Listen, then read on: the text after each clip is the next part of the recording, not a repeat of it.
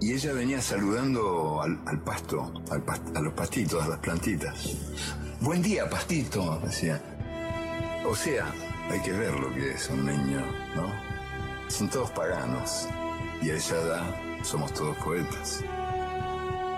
Después el mundo se ocupa de achicarnos el alma. Eso que llamamos crecimiento, desarrollo.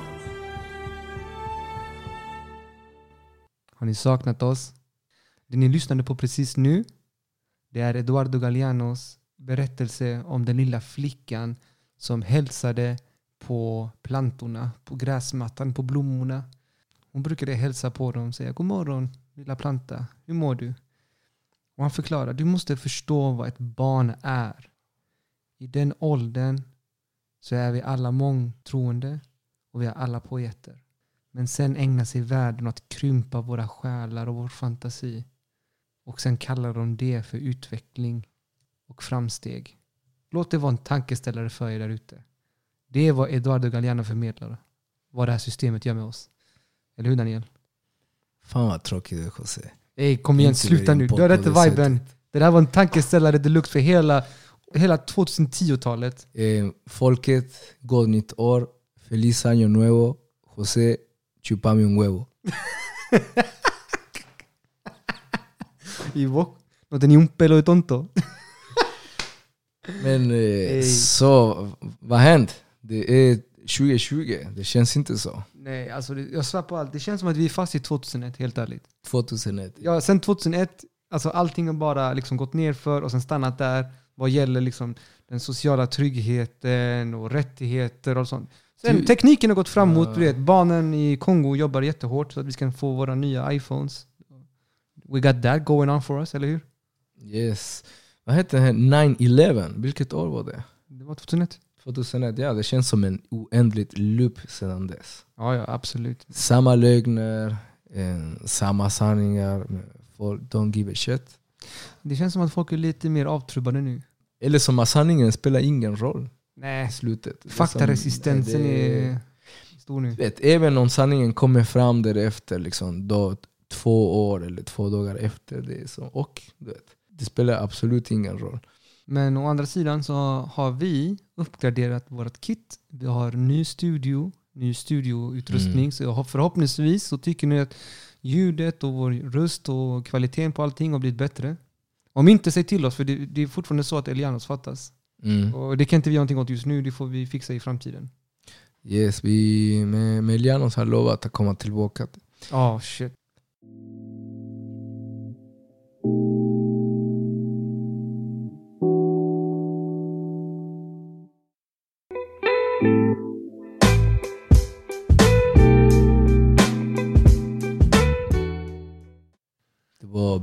Kortaste intro.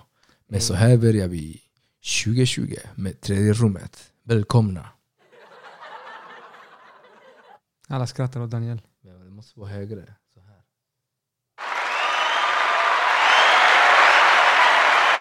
Okej, vi bara leker med vår utrustning just nu. Ey, ni kommer få massa ny content för vi har fått ny utrustning som sagt. Och vi har en större möjlighet att vara mobila. Vi kan åka till kändisar, tracka dem i deras hem, spela in när de ringer polisen på oss. Alltså, ni kommer få höra helt andra grejer.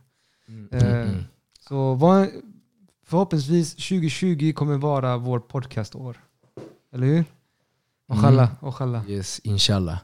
Ja, Ojalá är det spanska versionen av inshallah. Inshallah, José. Så för er som inte vet, vi ska ha en liten språklektion idag. Inshallah finns på spanskan. Det är ojalá. Det är lika självklart och vanligt att använda det ordet som det är att andas för spansktalande människor. Mm. Prata med vem ni vill från vilket spansktalande land i hela världen och de kommer säga ojalá hela tiden. Och det är faktiskt översatt direkt till inshallah. Och det har att göra med att morerna var i Spanien i 600 år. Det är en del av vårt språk. Till och med 800 år. 800 år. Du var i Spanien nyss Daniel. Kan du berätta Det- lite mer om det? Du kan också den Nej, islamska det- prägen i spansk kultur. Så jag är ingen historisk forskare. Eh, Jag känner inte att jag hade en auktoritet att prata om det. Men den, den dag det var superintressant att att vara där i Spanien. Det sammanföll också med att jag håller på att läsa eh, en bok som du gav mig som present. Vad heter boken? Benas Abiertas, Abiertas. de Latinoamérica. Ah, Eduardo Galeano. Jag hade läst tidigare en, en av hans böcker, eh, mundo pata para arriba, Ja. Världen upp och ner. Världen upp och ner. Och det, det är en väldigt bra bok och några år tidigare har jag också lyssnat väldigt mycket på olika intervjuer och olika eh, seminarier med Ramon Grossfogel som pratar väldigt mycket om moderniteten och använder den, eh, har sin utgångspunkt i La Península Ibérica. och det är en väldigt viktig plats för att förstå moderniteten idag och, och hur Europa och västvärlden har expanderats och, och skapat grunderna som vi står på dåliga grunder då, med det sagt. Och väldigt mycket av det föll på plats när jag var i Sevilla i Spanien, Andalusien. En plats som jag älskar verkligen. Jag otroligt många gånger sedan, sedan jag flyttade till Sverige. Men bland annat jag besökte en palats som heter Real Alcazar de Sevilla. Som är fantastisk för att den byggdes under olika historiska epoker kan man säga. Och då kan man verkligen se det islamiska, det arabiska arvet som finns, som finns i Spanien. Jag tror inte det går att tänka om Spanien utan att tänka på den arabiska kulturen och det som har lämnat efter sig. Och på det sättet går inte att tänka om moderniteten och Europa utan att tänka på det islamiska, den arabiska kulturen. För att det lämnade enorm kunskap om matematik, om algebra, hur säger man algebra på Algebra. algebra, om arkitektur, Men också språklig grammatik. språkligt, eh, konst och så vidare. Så det är en fantastisk palats och du, du ser de här oändliga mönster som, eh, som, som finns överallt. Som på något sätt visar, och, visar universum, du vet, hur oändlig den är och på det sättet representerar de Gud. Och jag inte har fel. Och, eh, och såklart, jag tänker liksom 800 år José. 800 år är Det jättemycket. är enormt mycket tid. Och om du läser på Wikipedia om morernas, eh, morernas eh, tid i Europa så du kommer att se hur språket eh, bygger på den här eurocentrismen som, som präglar moderniteten. Det säger liksom att de belägrade det var en belägring, kan man säga belägring på svenska? Alltså belägring, ja det är om Någon, man någon tar... form av ockupation i Ja. åtta, 800 år. Ehm, och detsamma när man pratar med spanjorerna, det också finns en sån tendens att förminska deras eh, Prägel och- deras prägel och den tiden som de verkligen var där. För det som Tänk- är speciellt med Mm. morerna, och detta kan vi nog alla hålla med om eftersom att ingen spanjor pratar arabiska, det är ju att de koloniserade inte eh, den spanska eh, landskapet eller den iberiska halvön. För att alla pratar ju fortfarande spanska. Kristendomen är fortfarande den största religionen. De tog över av imperialistiska skäl. Alltså det var ju ett imperium. De försökte skapa ett Det var- kalifat. Och de var ju, som sagt, ingen, inget övertagande är våldsfritt. Så de var ju våldsverkare. De uppfyller de flesta kriterierna för hur ett imperium som med våld försöker expandera funkar. Men de gick inte runt och våldförde sig på andras identiteter. Däremot levde de sida vid sida. Det, det, det var absolut en annan kosmologi eh, under deras tid. Tänk att de tog eh, det här området under sju år. Det var en sjuårs, eh, sjuårskrig. Det tog ungefär 800 år för eh, de katolska kungar att ta tillbaka Mm. territorium. Ehm, och såklart, hur hade detta kunnat hända, kunnat hända under så kort tid? Det var just för att de fick många allierade. Det fanns många folkgrupper, många olika etniciteter som, som bodde där och som var väldigt förtryckta under eh, Reino Visigodo. Jag får prata också halvspanska, José får tolka. Ja, Och, det är en kungarike liksom. Under ett kungadöme. Så absolut, de hade en annan kosmologi. Judar kunde samleva med muslimer och kristna med eh, under den tiden. Eh, något som du kommer märka hände inte därefter när katolsk, de katolska kungar, monarki, tog tillbaka platsen. Vi, om du tänker Europa idag, stora delar av Europa, om du tänker Spanien, alla dessa platser, om det inte vore på grund av arkitekturen, det finns inga spår av den islamiska kulturen som inte är från modern tid. Nej, precis. Och att muslimer har ju varit här länge, men det, och romer också, men deras kultur får ju aldrig avspeglas i den moderna liksom, arkitekturen, i den moderna kulturen. Utan den speglas ju bara av eh, den dominerande folkgruppen. Liksom. Absolut, jag säger fel. Det finns massvis med spår av den islamiska och arabiska Spår, kulturen, men, den de är inte erkända. De är inte erkända, de är inte de, de finns i språket, de finns i musiken, de finns i Men i många Spanien musikinstrument så som vi har adopterat till matematiken syns. och så vidare. det syns och det, det sticker Det, ut. det går inte att förneka, det var 800 år. Trots det, det finns en, eh, det finns eh, en, en rasistisk historiebeskrivning som försöker, försöker utesluta dem och, eh, och skildra dem som inskränkare. och där måste man kunna en civilisation behålla som en, invaderade en dynamisk förhållningssätt till det. För det var ju fortfarande någon som tog över någon annan. Men det fanns inte Absolut. den här våldföringen på någons kultur eller identitet. Det- Ingen fråntogs sina egna personliga Exakt. Det, identiteter. det, det som är, jag tror, själva mm, det som är, är avgörande för att förstå är absolut, det var en invasion. De invaderade en territorium, de, de tog över. Men även den katolska monarkin gjorde detsamma när de tog tillbaka. Ja. Och de Eh. förtryckte alla andra som sa emot. Sen startade de faktiskt skolan om det eh, rena blodet som att kommer att utvecklas till den rasismen vi förstår idag. Det är att spanskt blod är ju överlägset på grund av att det är kristet och vitt.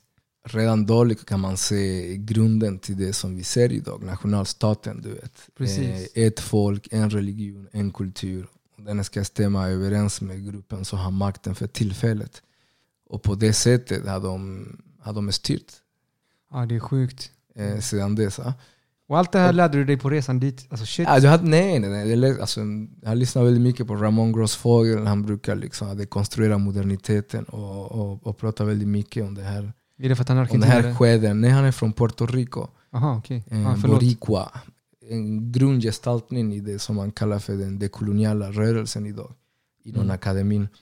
Men också inom den politiska aktivism, eh, aktivismen. Han tillhör den typ den tradition av akademiker, precis som Adrian Grock-Loop och som Juan Velázquez och många andra Fan, här i Sverige Shout som, out till Adrian och Juan Velasquez. som, by, som bygger broar med det civila samhället och som tar hänsyn också till en praktisk verklighet när det gäller politik.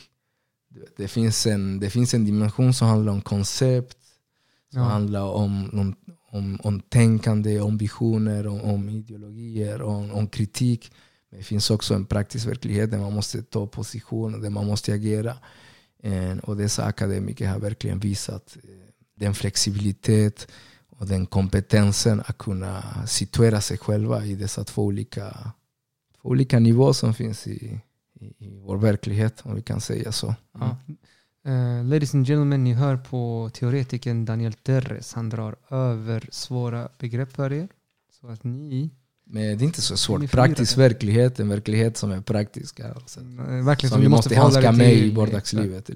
Det förstår jag. Eh, Men du vet, det som var intressant med Sevilla också, i det här palatset, det, var, du vet, det fanns tre kungariket i, i det här territorium du vet, och, som vi känner till som Spanien och med även del av Frankrike och annat. Det var Aragon, det var Valencia och det var vilken, Castilla. Castilla känner jag igen. Mm, Så Isabel, la reina Isabel, drottningen Isabel från Castilla gifte sig med Fernando, kan det vara så? Från Aragon.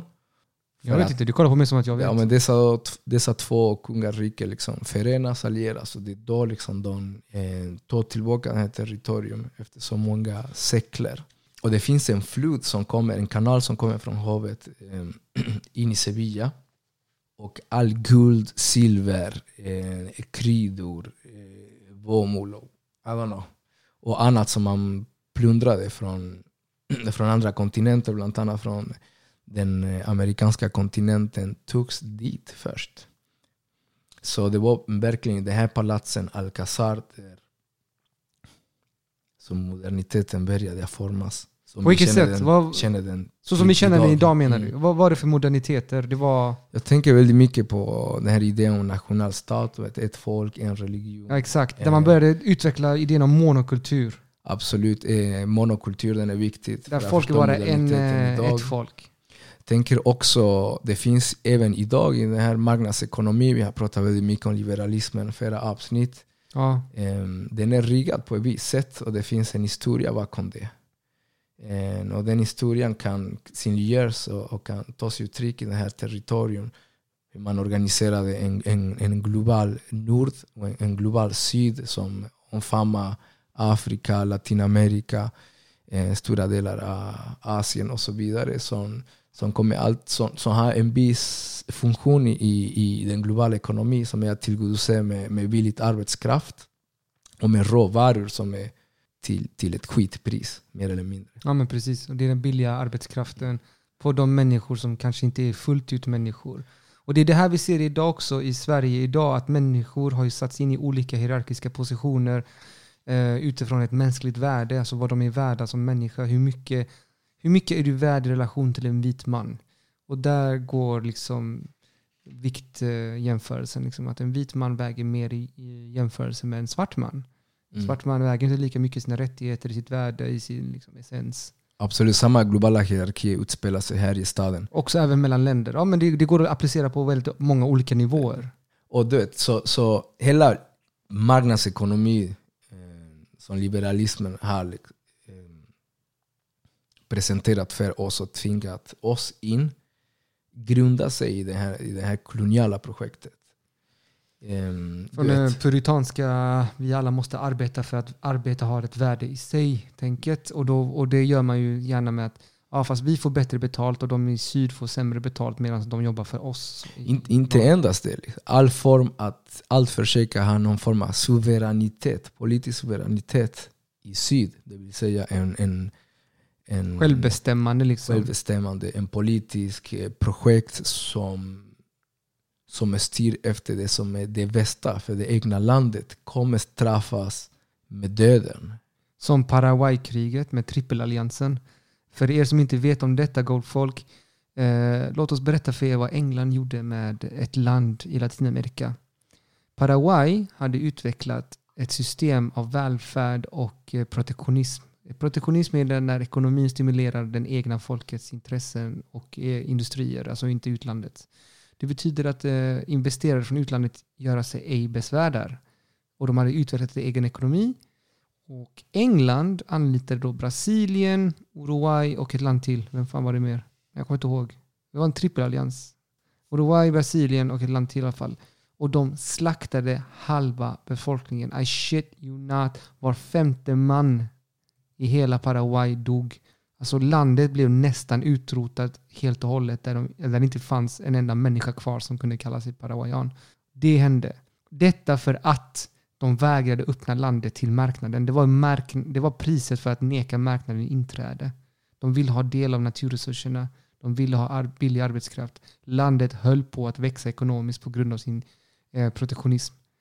Läs om det. Trippelallianskriget.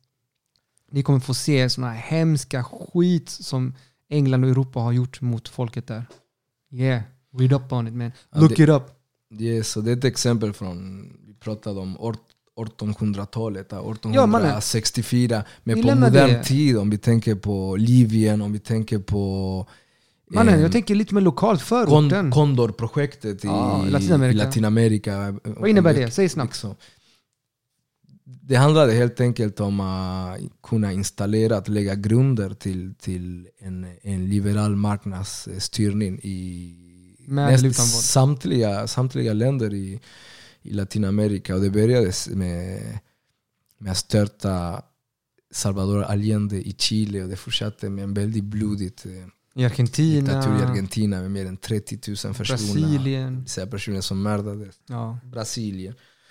Och därefter Bolivia. Och, alltså listan är oändlig.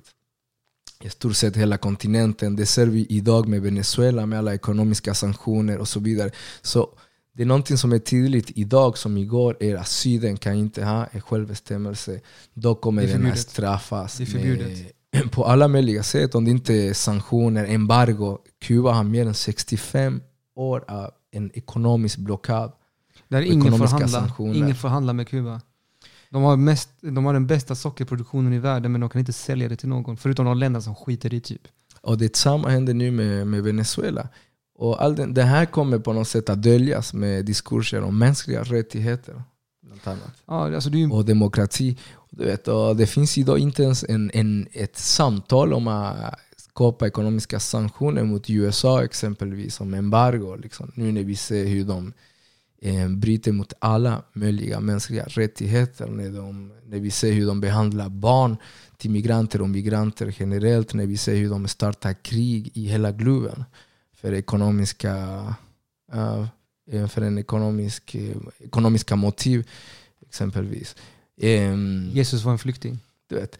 Men eh, då appliceras inte samma diskurs som vi har i SVT när det gäller Venezuela, när det gäller Bolivia, gäller Kuba, om demokrati, mänskliga rättigheter som, som verkar vara så viktiga när det gäller syd, eh, länderna som tillhör den här globala syd som, som vi pratade om. Jag älskar när, uh, det finns en meme om det, att USA är inne någonstans och säger vi ska lära er att uh, vara demokratiska. Och så svarar landet med okej, okay, vi har demokratiskt i majoritet röstat för att ni inte ska ha med oss att göra. Och USA svarar ja fast inte sådär, så där ska ni inte utöva demokrati. vi ska vara här. Det där, det där är fucking hilarious för det är väldigt sant. It's funny because it's true. Men eh, de där konstellationerna, alltså de går att tillämpa på makro, meso, mikronivå. Alltså det, även kolonialism gör sig gällande i de, i de egna koloniala staterna. Låt oss säga Sverige. I Sverige finns ju segregation och apartheid också. Total, vi, vi lever i en apartheidstat. Där kravet det är väldigt är, få som vågar säga det. det men där kolonialism är ju kravet. Mm. Alltså kolonialism, vi har ju redogjort för vad kolonialism är, till skillnad från vad morerna gjorde. Det, det där var en invasion. Och kolonialism, det är ju att du måste förlora ditt språk, förlora din historia och assimilera dig till en identitet som inte är din, utan den har vi bestämt för, för att du ska ha. Om du vill få någon form av social acceptans, ja. Ja, Exakt. Och det är ju en kolonial grej. Ska vi tala klarspråk, det är ju så kolonialism fungerar. Det är att utrota en kulturidentitet för att göra den till den som känns superior, som man upplever är superior till den andra. Alltså, Mm. om svensk kultur anser sig vara högre och bättre och mer värt än andra, då ska de andra kulturerna utplånas och assimileras till det som man anser är det bästa. Vilket är svensk kultur. Ja, absolut, och det som är, det är något som är, som är särskilt med, med Sverige tidigare, inte längre. Om vi tänker på alla enorma reformer som, har, eh, genom, som genomfördes inom migration, migrationspolitik. Men tidigare vi haft ändå en integrationspolitik eh, som haft någon form av goda intentioner med, med, på ett socialt plan så, och kulturellt eh, ändå landat i någon form av ganska brutalt assimileringspolitik. Jag tänker integration i relation till att man har haft kunnat fortsätta behålla sin modersmål genom skolan, en, att det funnits en religionsfrihet och så vidare. Men den ser vi att den hotas väldigt mycket idag. Men trots det, som sagt, för att bli socialt accepterat så i, i arbetsmarknaden, i, Och för de som inte bryr sig om det och socialt så, så kräver det att man utför ma- våld mot sig själv och sin Ja, egen identitet. Och de som vägrar Mm. göra det, vad händer med dem? De, de slängs ut i utkanten av stan, marginaliseras. de marginaliseras och de hålls där. De får inte jobb, de får inte, de, deras eh, fritidsgårdar, apotek och deras sjukhus, allting bara läggs ner. Folkets hus, bibliotek, you name it. Och de, de, de blir strandade där i utkanten utan hopp om att någonsin få delta. Men kravet kvarstår. Ni får ingenting av oss, men ni ska ge oss allt ni har. Alltså er identitet och er lojalitet och er tacksamhet och böja er på knän och hylla oss som gudar. Då får ni kanske vara med. Men ni får fortfarande inte jobben, ni får fortfarande inte några resurser från samhället, ni får ingenting. Däremot så kommer ni få poliser och ni kommer straffas. Så man kriminaliserar de som är utsatta för det här koloniala kravet, för det här förtrycket. Det här, den, den koloniala kravet, vi, vi behöver alltid en, en fiende.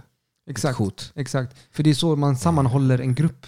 Men man eh, också behöver, eh, och den, den, precis för en fiende kan avhumaniseras.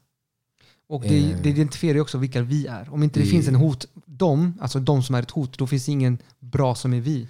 Det, det som är intressant är så här, José, du vet, eh, om du är motståndare, vad händer med motståndare? Du kan, du kan debattera med motståndare, du kan tävla, ehm, du kan utmana din motståndare på olika sätt.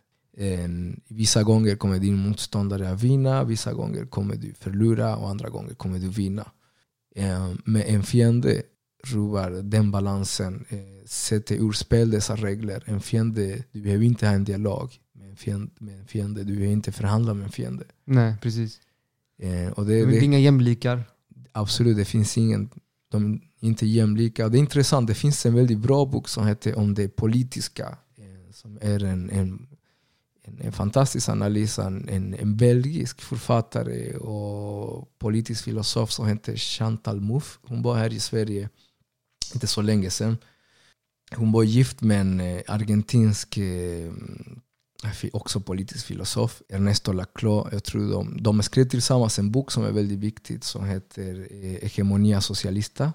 Men i alla fall inte så länge sedan hon släppte denna, denna boken om det politiska, då, Chantal Mouffe. Och hon pratar väldigt mycket om det, om liberalismens språk och idéer och hur de har format politiken till ett projekt där det inte finns några motståndare. För alla partier utgår från en och samma modell.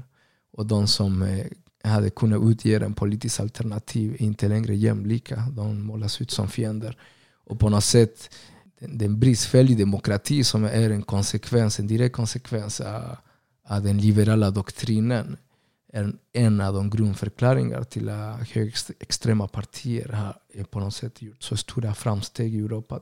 Men också i andra, i, i andra delar i, i globen, i världen som Brasilien, USA, Argentina under Macris tid och så vidare. Alltså, mannen, Piñera i Chile. Typ. alltså, tänk, dig fan, alltså, tänk dig hur grymt det hade varit om inte de marginaliserade hade organiserat sig och blivit en egen politisk kraft. Tänk dig vilken skillnad de hade kunnat göra. Men nu har man börjat kriminalisera förorten till och med. Man har ju börjat eh, med den här territoriella stigmatiseringen. Det innebär att Mm. eh, man eh, liksom misstänkliggör alla människor från ett visst område. Särskilt om de har ett typ särskilt utseende också. Typ som mitt. Och om du är med mitt utseende och det är från det området, eh, då är du antagligen kriminell. Alltså de har ju börjat med de här kontrollerna, liksom, med kameror, med har inre gränser också. inre gränskontroller och eh, hörselskadande ljud för att hålla folk borta från gatan på nätterna. Eh, liksom, de stannade liksom, en vän till oss eh, när han joggade på natten. Bara för att kontrollera liksom, lampor i, i ansiktet och ID-kontroll. Så här, en person som joggade för att han har en helt egen... eh, Man, man, man, det koncept. signalerar hela tiden att man, man, man har ett mindre, man har en lägre hierarki. Eh, Men jag vill revidera. Boken heter Hegemonia y Estrategia Socialista och det skrevs av Ernesto Laclau och Chantal Mouffe eh, runt i slutet av 80-talet. Eh, Det finns som pdf, jag kommer börja läsa den snart. Eh, Men jag har precis läst det färdigt om det politiska, rekommenderar den, det gav Stella på nätet. Det finns ytterligare en annan bok som heter eh, Till försvar om det till försvar av vänsterpopulismen. Hej, nu vi inte ut i böckerna här. Ah, Men vet du vad? Jag vet någon som faktiskt kan den här frågan om kriminalisering av orten, för även rättsväsendet gör det. ah, Det är eh, juristen Violetta. Ah, men hon vill inte komma hit. Nej, jag skojar bara. Ey, det är min, det är min partner. dig. Men hon, hon, är, hon är tvärgrym. Det är lugnt, hon behöver inte komma. Jag kan ringa henne. Kolla, vår nya utrustning, vi kan ringa folk. Ni ska få se. Nu ska ni få se vad som händer här. Pratar hon med dig? Jag tror hon kan prata. Jag tror alla hör va? Jag hoppas alla hör. Ja, hallå? Hej! Välkommen till tredje rummet Violetta. Tjena. Du är Hej. on air just nu. jag är med din intensiva man. Fan vad creepy att prata med en så här. Ja. Ja, så är det. Men eh, du, för tredje rummets räkning så pratar vi precis om Mm. kriminalisering Ja, av eh, förorten. förorten. Och jag vet att du kan Mm. väldigt mycket om det. Va- hur, funkar va- det hur funkar det i praktiken under just rättsväsendets eh, sida liksom, och polisens sida? ja, va, ja. Kan du summera och förklara vad, vad innebär kriminaliseringen av förorten? Då? Kriminaliseringen av förorten. Mm, finns det en sådan? Finns ju ingen sån som är uttryckligen... Alltså det finns ju inga lagar eh, så som det finns i Danmark. Det är inget gettopaket i nuläget i Sverige. Men eh, man kan ju fundera lite på eh, de här nya förslagen som eh, har kommit fram i regeringens 34-punktsprogram. Vad är det för eh, program? som handlar... Ja, det är ett program där de har 34 olika förslag eh, på åtgärder och verktyg eh, för att komma till bukt med eh, gängkriminalitet och annan organiserad grov brottslighet. Eh, och man tänker väldigt mycket på ja, narkotikahandel eh, i, ja, i större skala då, men också så här dödsskjutningar och sånt. Eh, och då är det ju många av rättsväsendets aktörer som polis och åklagare som har ut, i olika sammanhang uttryckt önskemål om eh, liksom större möjligheter att få använda tvångsmedel. Eh, för man ska komma ihåg att tvångsmedel är ju inskränkningar av individuella fri och rättigheter som enskilda har. Eh, i, I grundlagen, så att säga. Eh, och då, Ja, alltså i nuläget så behöver man i de allra flesta fall vara misstänkt för brott för att polis eh, och andra brottsbekämpande myndigheter ska få tillgripa tvångsmedel. Det finns några undantag, men man vill liksom göra utrymmet större för de här undantagen. Eh, ett av förslagen som finns i det här 34-punktsprogrammet går ut på att eh, polisen ska få större möjligheter att göra husrannsakan hos folk mm. utan att det finns någon misstanke om brott. Wow. Ja. Eh... På vilka eh, grunder kan de då göra Alltså kan de bara få lust att göra det hos någon? Då? Ja, vad är det för misstanke de har då? Eller hur funkar det? Ja, alltså, som sagt, idag krävs det ju en misstanke om brott. Det finns några små undantag för det, men alltså, man, man, måste alltid komma ihåg att den största liksom, utgångspunkten av allting är ju att eh, Eh, var och en är fri, alltså man ska vara fri från kroppsliga liksom, kroppsvisitationer, husrannsakan. Det står uttryckligen i grundlagen att man som enskild inte ska liksom behöva underkasta sig det. Men det är ingen absolut rättighet utan det får ju inskränkas genom lag. Och då finns det lagstöd för det i både rättegångsbalken och polislagen där det liksom finns lite ja, möjligheter. Att om någon är misstänkt för brott så ska man göra sig ja, vi behöver inte gå in på de exakta förutsättningarna för det. Nej. Men det här utrymmet vill man ju utvidga ännu mer så att man inte ens behöver en misstanke om brott. Och, vilka... och det är ju, är ju enligt min mening att i princip upphäva grund Alltså att man, det finns, kommer inte finnas någonting kvar av den utgångspunkten. Av grundlagen då? Kan. Ja, det, det, det, är så jag ser det i alla fall. Men vilka kommer hur... vara målgruppen för detta då? Ja, alltså man pratar ju om gängkriminalitet och annan allvarlig eh, brottslighet. Eh, och man pratar väldigt mycket om eh, kriminella miljöer. Eh, och det är formulerat på det sättet. Det låter ju som, som, som något bra. Det är gängkriminalitet och kriminella miljöer och allvarlig brottslighet. Sånt. Det är ju inget bra. Så man vill ju ge Men vad, rätt... vad är en kriminell miljö? Precis, det, det, det, kan man ju absolut diskutera. Vad är en kriminell miljö? Jag menar ju att det här är ju polisen som ska få fler verktyg. Och då tycker jag det är relevant att titta på ja, vad anser polisen vara en kriminell miljö?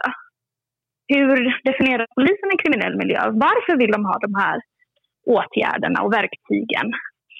Vad, vad tänker de sig? Alltså man får ju nästan utgå lite grann från polisens problembeskrivning när man besvarar den frågan. Eh, och där tycker jag man kan ta ledning av polisens egna rapport eh, om utsatta områden. Eh, det är en rapport från 2017, är den senaste som de har eh, kommit ut med. Och då är det underrättelseenheten som har, kommit, ja, som har gått ut med den här rapporten. Det är från början ett internt dokument inom polisen som de har valt att gå ut med då för att liksom de anser att det är deras skyldighet att vad ska man säga, ge en god lägesbild om den kriminella påverkan i lokalsamhällen. Eh, och då har de listat, jag vet inte om det är 60, 61 utsatta områden varav 22 tror jag det är som är klassificerade som särskilt utsatta områden. Eh, och det är främst olika förorter i stor, städerna, Göteborg, Stockholm och Malmö. Där polisen har liksom dragit upp lite kriterier för vad som utgör ett utsatt respektive ett särskilt utsatt område. Eh, och här i Göteborg till exempel så är det ju Hammarkullen, Biskopsgården, Bergsjön, Hjällbo, eh, Hjällbo Tynnered. Ja, jag vet inte riktigt vad många jag sa nu men ja, det finns några, ja, det finns som jag sa 60 till sådana områden. Eh, och de skriver ju själva hur de har tagit fram de här områdena. Det liksom, polisområdena själva liksom rapporterar in sin lägesbild då. Eh, och i princip nominerar områden. Vänta, inte... Och de skriver ju... Det, Mm. det, det här är de kända no-go-zoner som vi har hört så Som de kallar på media. Ja. i media alltså. Ja men precis, polisen själva kallar ju inte det no-go-zoner på det sättet. Inte Men längre. Däremot har de, där, nej, däremot har de ju uttryckt att eh, de anser att det största problemet i de här områdena är narkotikahandel eller narkotikarelaterad brottslighet. Liksom. Eh, men så säger man, man, uttryck, ja, man uttrycker också en, eh, att det är svårt eller näst, och det här är liksom ja. ordagrant citerat från rapporten. De säger att det är svårt eller nästintill omöjligt att fullfölja sitt uppdrag i dessa områden. Mm, mm, mm. Jag menar ju att den... Ja, Det är svårt att få vittnesmål, det, denna, den problematik Ja, precis, så de- mm, det, det säger man precis, precis. Det är en av kriterierna då. Att det, är- precis, precis. Att det är, Vad menar du då? Bristande tillit till Nej, men- myndigheter. det jag menar är ju att när man, har, när man målar upp, alltså när en myndighet på liksom högst oklara kriterier, eh, ja, de redogör ju för vilka kriterier de, ja, det, det finns i rapporten, liksom, men man nominerar områden och man säger i de här och de här och de här områdena så finns det mycket problem med det här. Narkotika, eh, dödsskjutningar och så vidare. Och så säger man att man som myndighet då Eh, tycker att det är svårt eller nästan omöjligt att fullfölja sitt uppdrag. Det är ju lite grann att alltså, man säger ju att vi behöver mer verktyg. Och regeringen i det här fallet har liksom sagt okej, vi ska titta på om vi kan ge det här och det här och de här verktygen för att bekämpa den här typen av brottslighet. Och då tycker jag att även om man inte säger det uttryckligen så jag vet inte, för mig blir det i alla fall tydligt att det är i de främst de här områdena som de här åtgärderna liksom är tänkta att tillämpas i. Mm, mm. Men Ja, som är inte. Kungsbacka då en kriminell miljö? De konsumerar alla skitmycket kokain. Mm, men, Mm. Eller? Men det, är ju, det, är ju, det kan man ju absolut problematisera och tänka liksom att okej, men om man lyfter fram den här typen av brottslighet liksom som den värsta och det är här vi inte kan fullfölja vårt uppdrag, alltså då, då kommer ju annan typ av brottslighet i skymundan. Alltså, vare sig det är liksom en annan brottstyp eller en brottslighet som äger rum på en annan plats. Mm. Samtidigt, de, de, de här problemen är riktiga. Sen frågan är om vad är vinsten med att kategorisera vissa stadsdelar på det sättet? Det är en bra fråga. Jag vet faktiskt inte vad vinsten är, vad den uttalade vinsten är. Eh, Det är inte alltid det finns liksom, eh, vad ska man säga, man brukar ibland prata om olika liksom funktioner som kommer. Vissa funktioner är ju mm. avsedda och vet, uttryckliga liksom. Så som att vi vill bekämpa gängbrott. Då är man ju öppen med att det är det här vi vill göra. Det är så allvarligt, vi vill göra någonting åt det. Men då kan man ju fundera på, okej, men finns det några oavsiktliga funktioner eller liksom, eh, vad ska man säga, kanske inte funktioner är fel ord, men kan, det, kan man tänka sig att eh, eh, vi får, eh, alltså att det kommer några andra följder av det, några andra konsekvenser av det. Mm, mm. Om man har målat upp ett område som här sker brotten, här ska vi vara. ah, Men vad händer om jag hälsar på en gammal vän då som kanske är kriminell men du vet, jag är bara, det är bara en vän och jag umgås inte med personen. Är jag en, är jag i en kriminell miljö då? Ja, det, det, det beror på. Alltså, det, det beror på... Kan jag, kan jag få mitt hus hemsökt då på grund av att jag hälsade på någon som är brottsbelastad? Eller belastad i, i brottsregistret eller vad det heter. alltså, det beror på om du pratar liksom utifrån nu, nuvarande förutsättningar eller... Om de där lagen eh, och punktprogrammen går igenom liksom. Mm.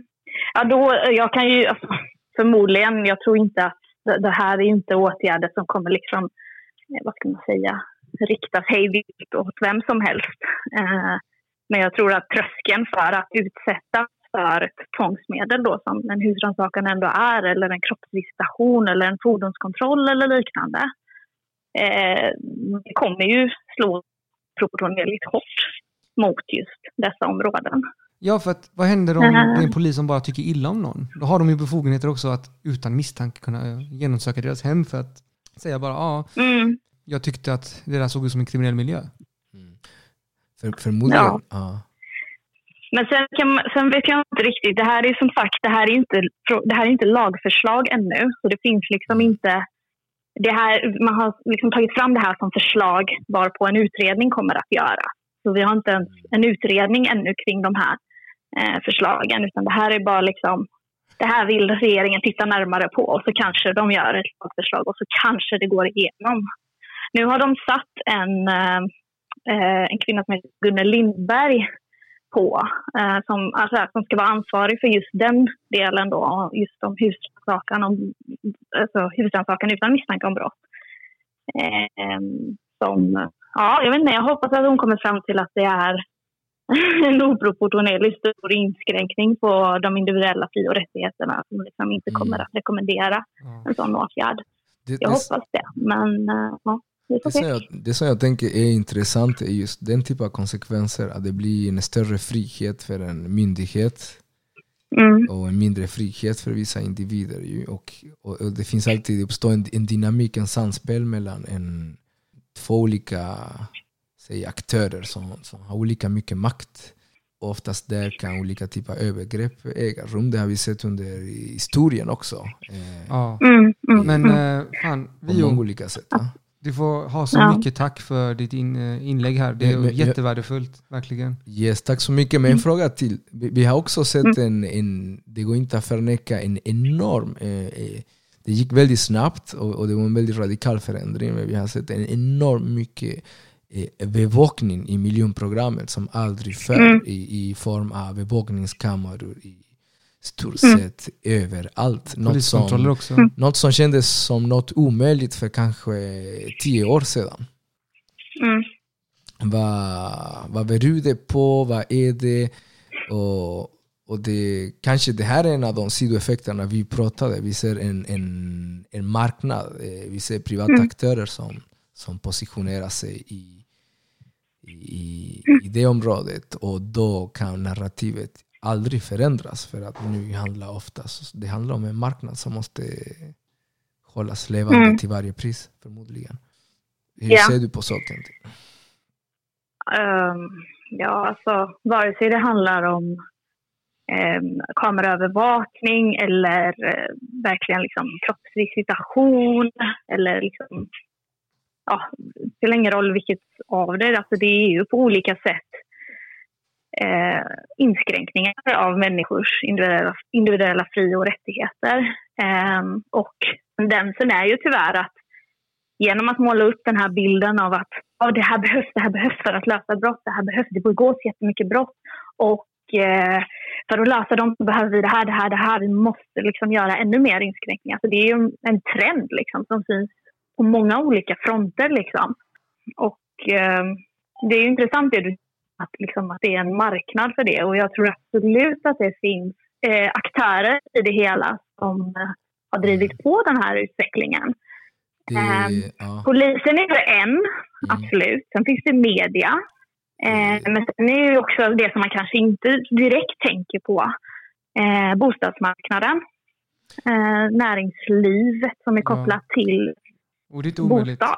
Peter Esaiasson har ju Ja. precis kommit ut med boken Förorten där han I, förespråkar just att bostadsvärdarna och bostadsbolagen ska ha mer makt och auktoritet i över vi- vi- förorterna. vi har sett tankesmedjor som, som triggar Sverige till exempel. Att ta fram enkäter och göra studier på uppdrag av Göteborgs kommun kring eh, Mm. om det behövs bevakningskameror i vissa miljöer. eh, Mm. Säg skolor, säg miljonprogrammet. Mm. Och jag tror också väldigt svårt att förneka att det har funnits en, en, en enorm offensiv som var medialt också. Samtidigt som vissa partier eh, på högerkanten har lagt fram, lagt fram den här typen av förslag så har vi sett eh, Mm. eh, en enorm massproduktion av ledarsidor, debattartiklar, opinionartiklar, eh, studier och annat som på något sätt bekräftar den politiska positionen. Ja. Men eh, tack så jättemycket Vio. Eh, ha det så bra då va? Detsamma, detsamma. Ciao. Fint. Tack. Hej. Hej. Tack. Damn, vad säger du? Allt. Polisen, de vill kunna hem, alltså göra hem, husrannsakan hos människor utan misstanke om brott. Mm. Men det är så jag tänker ibland, du vet, eh, vissa, vissa problem är riktiga och det, det, det behövs eh, agera för det med väldigt mycket av de här åtgärder, eh, förutom att vara en, en, handling som är kanske orättvis, det handlar, mer, framför, det handlar främst om att, att viga upp det här narrativet, den här diskursen om det här eh, otroligt farliga området och människor. De här otroliga farliga människor. För att kunna argumentera för det får kosta spelar ingen roll vad det, kostar det. för att lägga flera bevakningskameror, privata vakter. Är vi inte inne på en ja. värdegrundsfråga? För de pengarna de kommer slösa på att öka polisnärvaro, att göra Oavsett eh, husrannsakan utan misstanke som är grundlagsvidrigt för att förnedra, kontrollera och förtrycka ett redan påtryckt folk och redan påfrestat folk. Det, det, det, är pengar man hade kunnat lägga på skolor, på bättre utbildning, på, på att centralisera liksom, eh, vården och skolorna och fritidsgårdar, öppna fler insatser och ge en högre livskvalitet i, bostads, eh, alltså i bostadskvaliteten. Liksom. Det här lägger de hellre på polis och förtryck. Medan i Kungsbacka och Bildal, där de har den högsta kokainkonsumtionen typ i Göteborg, där gör de inte så här. Ja, man hade kunnat också på något sätt eh, attackera marknaden på det sättet. Än att gå till konsumenterna. Men i, i det här fallet till exempel, du vet, att det blir det här stigmatiser fortsatta stigmatisering, kriminalisering av vissa områden är på något sätt eh, nödvändigt för marknaden. För att det är sättet man kan få staten, man kan få kommunen att använda offentliga medel som slussas vidare till den privata marknaden i form av entreprenörer som driver bevakningskameror, privata vakter. Vi har Folk sett, som tjänar pengar på att eh, måla upp förorten som en farlig plats. Det behövs, och för det man behöver artikulera eh, vissa politiska krafter eh, som är i masskopi tillsammans med näringslivet.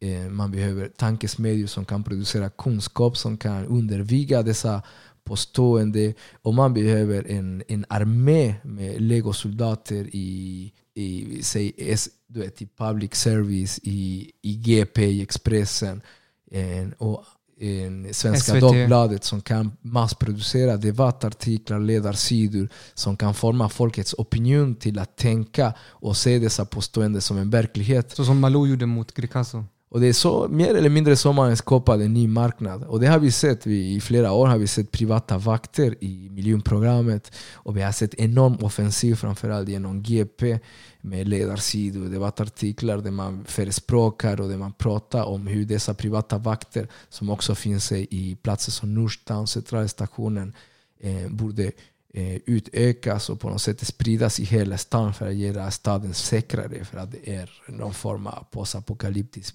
stad. Den Göteborg vi lever i Men jag tänkte så här, fråga till lyssnarna. Mm. Ser ni vad vi håller på att göra här just nu? Ser ni vad som händer? Kommer ni ihåg det vi pratade om den här, vi skapar en enhet genom att definiera en fiende.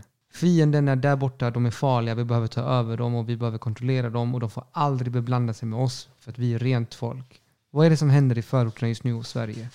Vad är det ni ser i segregationsprocessen? Tänk på det. Tänk på detta.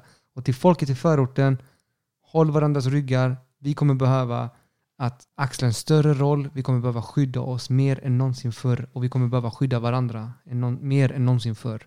För det kommer bli värre. Ni kan förvänta er Hereditas, den högernationalistiska tankesmedjan från SD.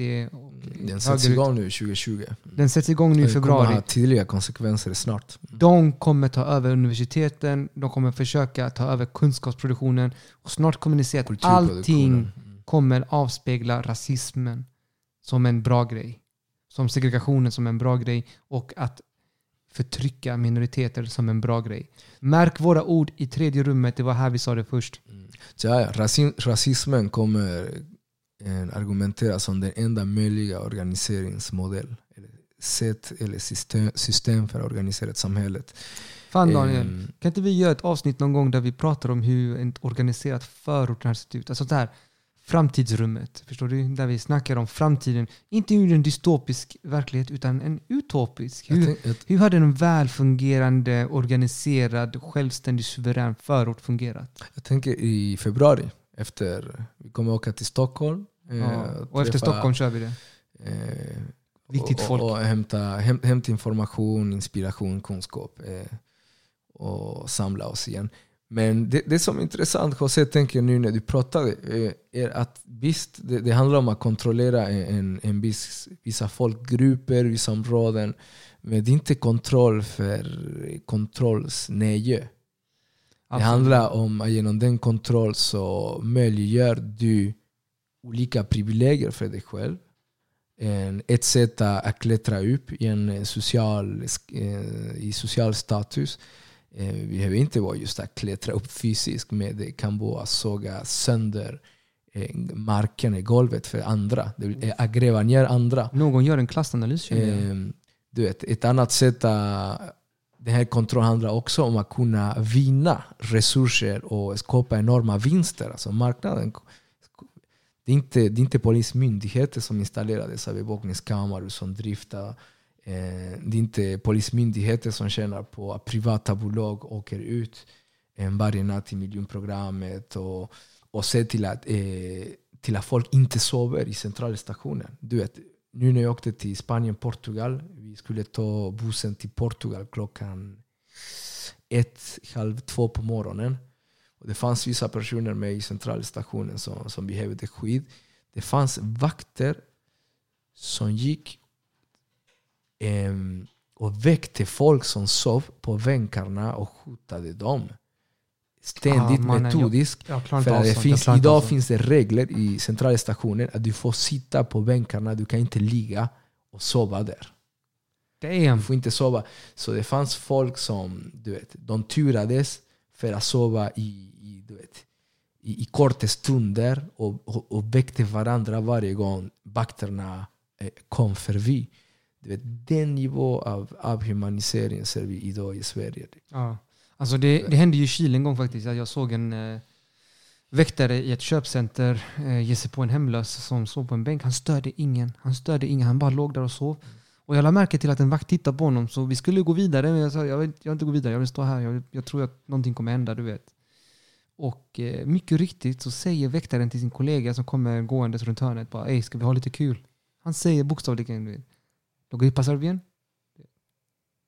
Och så går de till den hemlösa. Han slår batongen i hans ben. Den hemlösa bara vaknar så här. Ah. Och de bara, ah, tror du att det är ett hotell eller sticker ifrån? Du vet. Larga- till.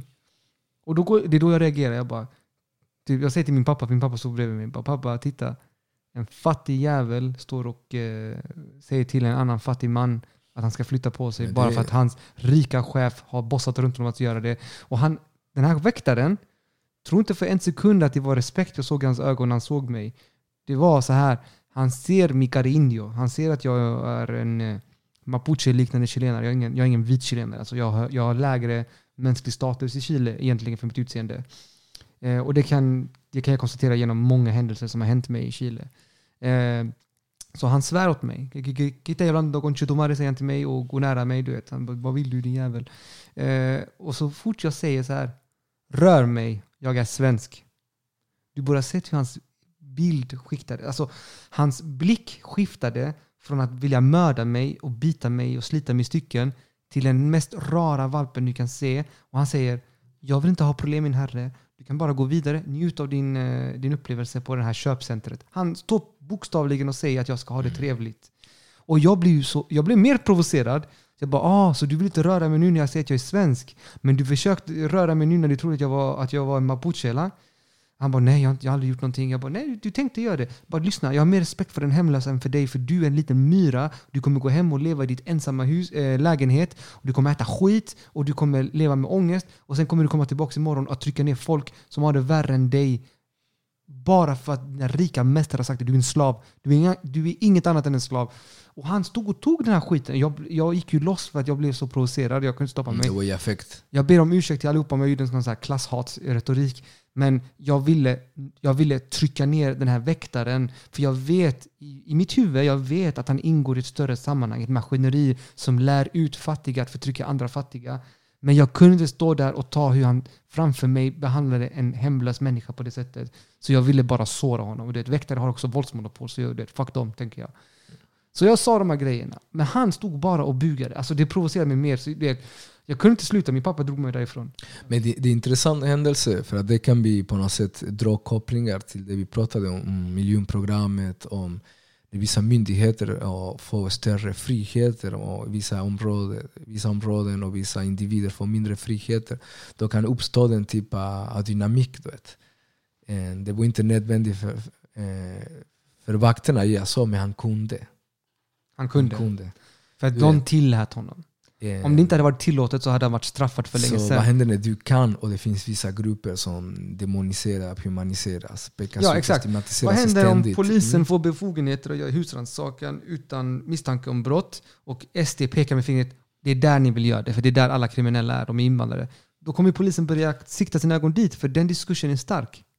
Det är de som bestämmer. det, det finns också per- det finns, eh, det, finns många olika typer av relationer. Och, det, en, och absolut, vi har en relation också med, med, med, med fantasier. Vad hände med Husbykravallerna? Andra. vet. Vad, hände, vad gjorde polisen innan Husbykravallerna? De avrättade en man och ljög om det. Nu kommer de kunna göra det oftare. Så, men det finns också andra, andra intressanta eh, element i det du berättade. Du vet, eh, jag tänkte det här en, en, en person som en kultur där vi alla lär oss att sparka neråt ständigt är kanske liberalismens störst, största seger, kulturell seger. Mm. Och det kom till uttryck i den här vakten som du sa, en, en, en fattig person som sparkar en annan, som är fattigare. Och kanske det är den kulturella seger som liberalismen eh, har kammat hem eh, och som, som, präglar, som präglar moderniteten. Eh, som Men- prä, de tiderna vi lever i idag. Vet, vi alla sparkar neråt, det ser vi i ledarsidor på GP, SVT, på SVT. SVT Glöm inte vad SVT hela gör. tiden. Liksom. Ehm, så det, det är en sak. Och den andra, att, han kunde inte sova där. Det var också på grund av liberalismen. För att marknaden går före allt. Även människors liv. Som Det, det låter som en fanatism. Alltså. Det låter som, som en, så här, en religiös dogma som aldrig får ifrågasättas, för då blir det våld. Det är absolut en... Men min fråga till förorten är, kommer ni tillåta detta? Kommer förorten tillåta att polisen kommer in och gör husrannsakan hur som helst? Kommer de verkligen tillåta det utan att det blir kravaller? Förnedra mammor i sina hem. Bara bryta upp dörren och säga vi har ingen misstanke men vi kan. De behöver inte förklara ens längre. För det är också en grej, de ska ju förklara varför de är där. De behöver inte det om det inte finns misstanke om brott. Mm. Vi får se, det är en öppen fråga. Ey. Sätt inte, sätt inte Ann-Sofie Hermansson på detta bara. Jag ber.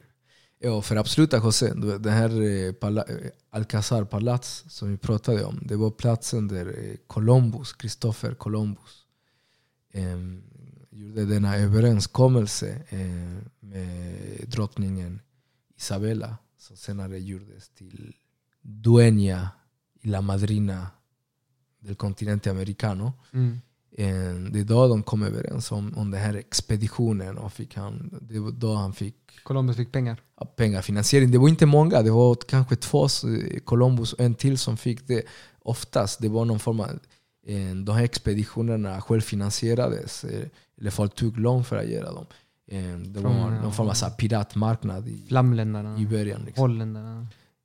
Jag tänker liksom det här var början av den här enorma expansion som, som västvärlden haft och som, som har positionerat oss i en längre hierarki.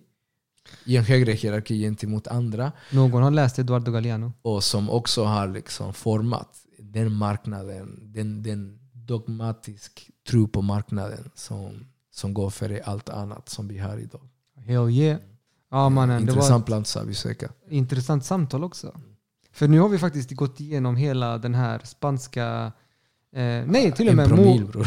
Ja, en promille och din podcast. Man kan aldrig vara... Man kan aldrig... Lyssna, om ni någonsin vill att vi ska gå in på djupet, vet du hur många timmar ett avsnitt kommer bli? Det, det kommer aldrig hända. Det här är en podcast, vi snackar skit. Vi kommer, vi kommer alltid skrapa på ytan i allt. Men jag hoppas ni hittar ett intresse som ni vill grotta ner er i. Till exempel att i Sverige så gör man skillnad på latinamerikaner och araber. Man säger att latinamerikaner är assimilerade, araber är farliga. Och jag säger bror, latinamerikaner är som araber. Fast vi pratar spanska. Ni förstår inte djupet eller omfattningen av den arabiska prägen i den latinamerikanska kulturen. Men på samma men det som jag tänker det man måste förstå också är det går inte att föreställa sig Spanien utan araberna och det arab går inte att föreställa sig Latinamerika idag utan eh, spår av den kulturen. Och på samma sätt går inte ens att tänka om Europa idag. Nej. Så därför menar jag bara att när de försöker särskilja oss, det- ni kan inte göra Särskilja det. folk i allmänhet. Ja, ni kan inte Mm. göra det. Ni kan inte göra det med någon egentligen. Så ni är bara dumma, ni som gör detta. Men spansktalande människor och araber har en jättesammanflätad historia. Ni kan inte säga att det finns att det är olika kulturer. De överlappar varandra på så många olika sätt. Till och med araberna har spanska, spanska sedvänjor också. Det jag skulle kanske sagt är egentligen att eh, i, i mänskligheten att flytta på sig, att eh, interagera med andra, att naturaliseras i andras kulturer, eh, i andra språk, att skapa hybrider, om att präglas av varandra har alltid hänt och kommer alltid hända. Det är mänsklighetens öde och det kommer aldrig kunna hindras. Trots alla dessa fascistiska och brutala